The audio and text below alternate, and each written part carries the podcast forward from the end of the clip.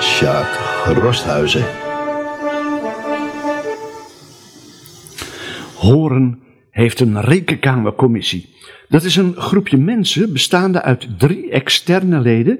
En dat zijn mensen die niet in de raad zitten en van wie je niet meteen aan de neus kunt zien door welke politieke stroming ze beïnvloed zijn.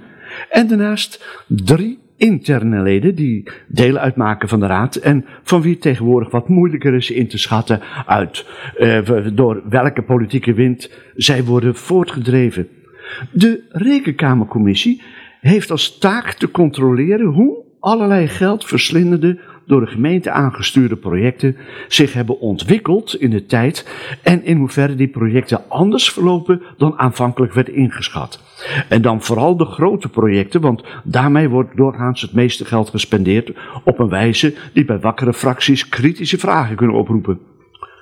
De Hoornse Raad verliest grip op grote projecten. Dat kopt een regionale nieuwsbode. En dat zelfs na door de Rekenkamercommissie reeds in 2012 gedane aanbevelingen. We dienen wel scherp in het oog te houden dat het de politieke partijtjes voorbehouden is om beslissingen te nemen over de te besteden gemeentelijke budgetten. En daarnaast dienen we niet het besef te verliezen dat elke politieke stroming in Horen kan dat tegenwoordig al fluctueren tussen de 12 en de 14 totaal verschillende denkrichtingen. Het recht heeft om namens hun achterban, die hen na heftige verkiezingsretoriek de zegen gaf, de centen in de gemeentekast te besteden naar eigen onstellend goed uitgedachte inzichten. De Rekenkamercommissie heeft geen beslissingsrecht, zij adviseert slechts. In de jaren na 2012 bleek bij meerderheid de mening te leven dat men zich van adviezen van de Rekenkamercommissie weinig hoefde aan te trekken. En dit heeft geleid tot uitvoeringen van grootse projecten met een riskant budget. Met andere woorden, hier en daar liep de financiering gierend uit de klauwen. De Rekenkamercommissie maand de alwetende raadsleden toch nog een oplettende houding bij grote projecten. Want de huidige aanslagen op de reserve zijn al significant genoeg. En onbegrijpelijk lijkt het om in de afgelopen jaren bij raads- en commissievergaderingen debatten over budgetoverschrijdingen te mogen aanhoren, terwijl aanbevelingen daarover sinds 2012 gewoon werden genegeerd. Zo ver gaat het machtsspel in de politiek. De kosten wat het kost inspanningen om verkiezingsbeloften waar te maken, mocht kennelijk wat kosten.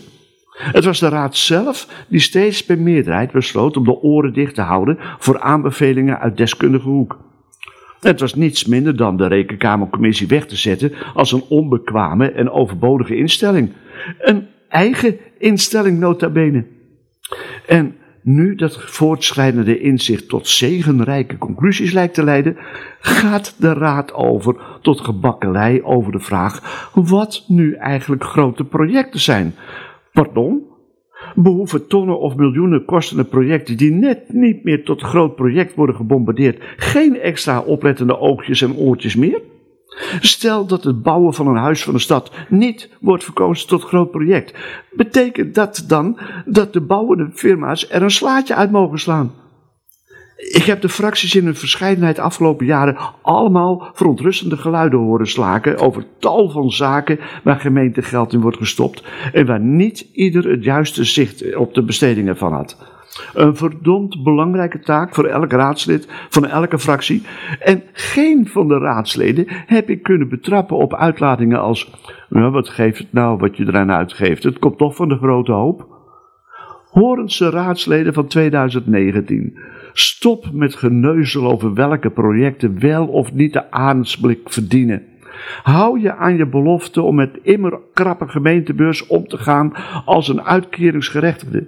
Daar zullen, jou, daar zullen jouw kiezers je waarschijnlijk het meest om waarderen.